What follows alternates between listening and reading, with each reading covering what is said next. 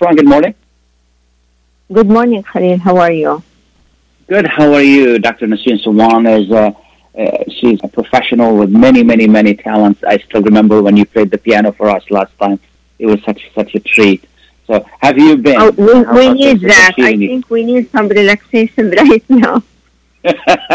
You've been safe. Uh, you know, this this this must have been a really tough time for all medical professionals. It is, and actually, right now we are seeing patients on telemedicine. So basically, we see patients uh, with different video programs, a variety of video programs, and it is allowed at this point because you know we really need to take care of patients, but without being in contact with them. So we have mm-hmm. been mm-hmm. using telemedicine at this point. Absolutely. You know, change is difficult for us to really deal with all these changes. Now we have to wear a mask. Now we have to stay away from each other. Now we have to sanitize all the time. And all of a sudden I find out like, oh, I didn't forget this. I forget that. It's a lot of stress. How do we deal with that? It's a lot of stress. Yes, of course. Actually, the most important cause of stress also would be the disruption of our daily routine. Because remember yeah. that the daily routine is a very important factor in reducing stress and anxiety mm-hmm. and in getting, you know, good sleep that is important for our well-being and immunity as well. So right now, our daily routine is disrupted. We do not go to work every day. We do not take our kids to school. We do not uh, go to the gym. I mean, you know, it's it's really a very significant disruption of everything. And you know, like the problem that it's not only disruption of daily routine, there is disruption of our circadian rhythm as well due to lack of exposure to light. So, you know, I mean, when we are at home all of the time and we are not exposed to the daylight, uh, remember that the daylight is the one that regulates our sleep-wake cycle. Mm-hmm. So basically, mm-hmm. our you know our bodies will be confused, um, exactly. and this is not. Yeah, yeah. So I mean, you know, and lack of sleep basically will decrease our immunity, and it will increase our anxiety and stress. This is another, uh, you know, reason why it is a very stressful situation. Also, there is, you know, like significant stress related to our health. I mean, you know, like we are, we are all worried about our health, the health of our loved ones, and also, you know, like we hear all of the time about, you know, like the massive amounts of people who are like either sick or dying. I mean, this is, you know, something that is very stressful. You know, we are living in the community and we are part of it. And also remember the loss of jobs and income. So many people mm-hmm. lost their income and some of them were not uh, able, you know, to get any type of, you know, like government compensation. Not everybody was able to get, you know, those stimulus packages. So, you know, there are so many people who are suffering of how, how to even put, you know, some food on the table. So, you know, this is like a very important factor of stress. And on top of that, we are socially isolated. We do not see our family, friends. I mean, you know, this is something important for us. You know, we are by nature, we are all social and we would like to live, you know, life in our community and to interact with our community. Uh, we are Absolutely. not having yeah, we are trying to do a little bit here and there with Zoom and FaceTime and things like that. But you know, like this is this is actually putting us, you know, in danger of being in front of, you know, iPads and iPhones all day long. So this is also, exactly. you know, like exactly.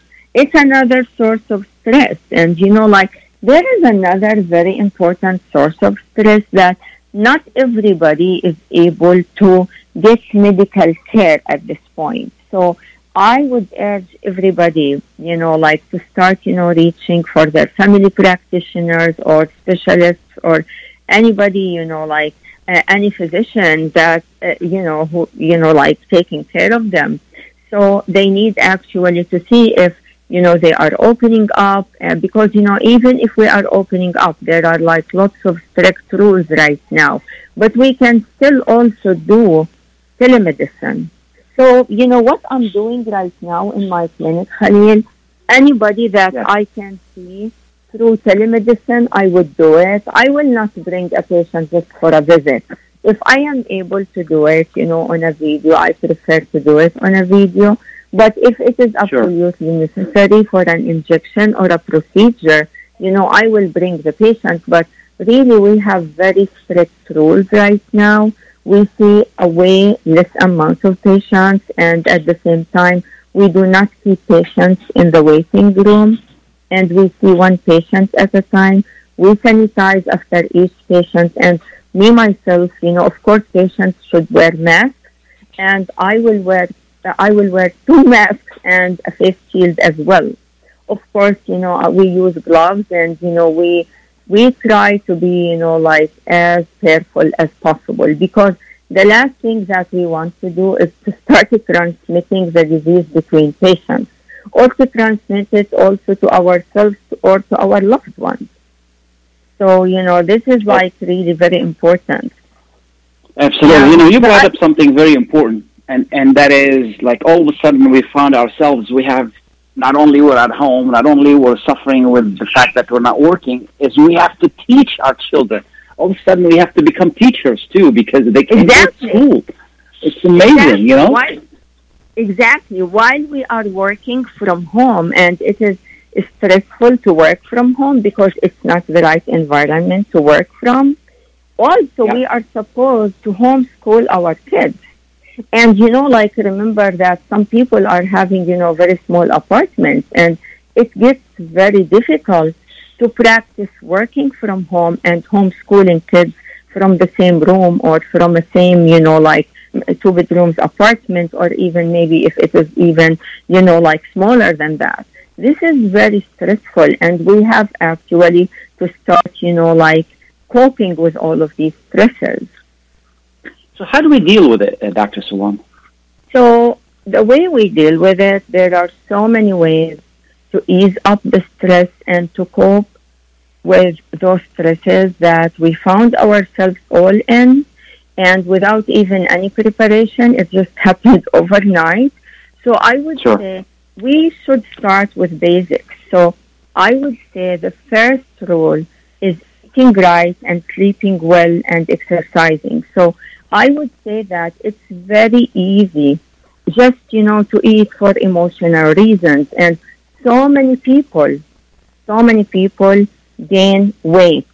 You know, they gained weight during this quarantine period. And, and this is adding to the depression and anxiety. So before, you know, you give into a food craving, we should ask, like, your, you know, we should ask ourselves whether we really need it or not.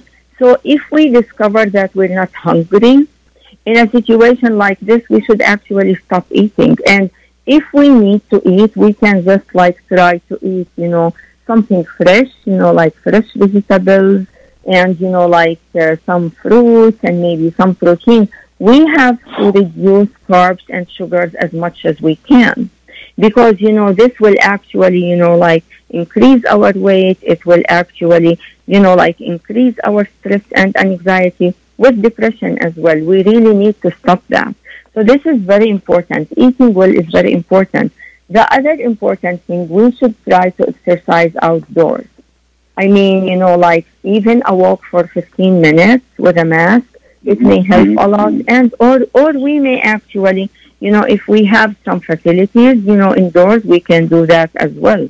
But, you know, I would say that, you know, I really do not want to see our gyms full of people right now. Especially, you know, with easing up of the lockdown status, you know, I feel that some people will just like go and run to their gym. And I feel that, you know, with this, we will be, you know, like a very important factor to ease up another second wave. You know what I mean? Another wave or a second Absolutely, wave. yeah, yeah. Yeah, so this is very important. And also, you know, like sleeping well is very important. And we all know that with staying home, sleeping well is very difficult, but we have to uh, follow, you know, like sleep hygiene guidelines because this will be very helpful to sleep at the same time and wake up at the same time and to be away from iPhones and iPads or any electronics before sleep and to try to wind down before sleeping time and at the same time to keep, you know, the bed as much as possible for sleeping. Because why, if we are like working on the bed, eating on the bed, it will be very difficult to sleep on the bed. So, you know, this is like ABC in sleep hygiene. We have to follow that. The other thing yeah. that we can do is to take deep breathing. I mean, you know, like deep breathing is very important. And in, in some studies, it was found that people who engaged in 15 minutes of diaphragmatic breathing, like 20 minutes over, you know, uh, eight weeks, they showed improved attention and mood and lower levels of stress hormones. So, I mean, breathing is very important because when we are stressed, you know, we breathe very shallow breathing and very quick breathing, which actually will let us be all, uh, you know, at the status of flight or fight. And we really do not want that. We, we want to try to relax as much as possible. The other thing that I really recommend is to focus on short-term goals and to plan a positive future. This is extremely important. You know, like I try to focus on, you know, one day goal. If I'm if I'm able, you know, like to fix my room, if I'm able to see my patients, if I'm able to sit with my daughter and, you know, like to talk to her and, you know, like to be closer to her and maybe sometimes, you know, we read Quran together and you know, I feel that, you know, this is something that I feel that I did something during the day. You know what I mean? But at the same Absolutely. time, we, we have to focus on positive future that this time is going to end at one point and we can go back to vacations and maybe we can actually plan for one, but not to do one right now. this is very important.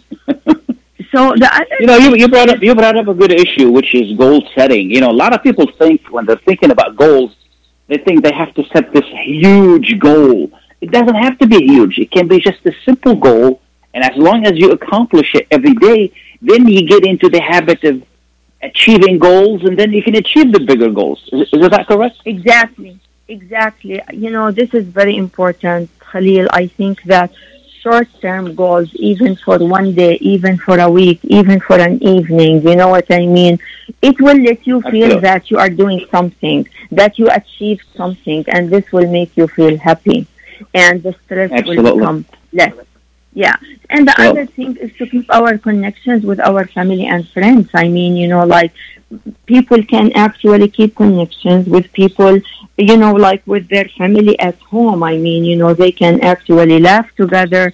They can pray together. They can read Quran together. They, they can do, you know, like good stuff together. While you can also keep your connections, you know, with your family and friends, you know, like Um, I would say family that that will not be living at the same house with you. You can always FaceTime. Sure. You can always do Zoom meeting. Although I would like actually to limit this because you know, like it is important. It is important to keep your privacy at one point and at the same time not to do it so much.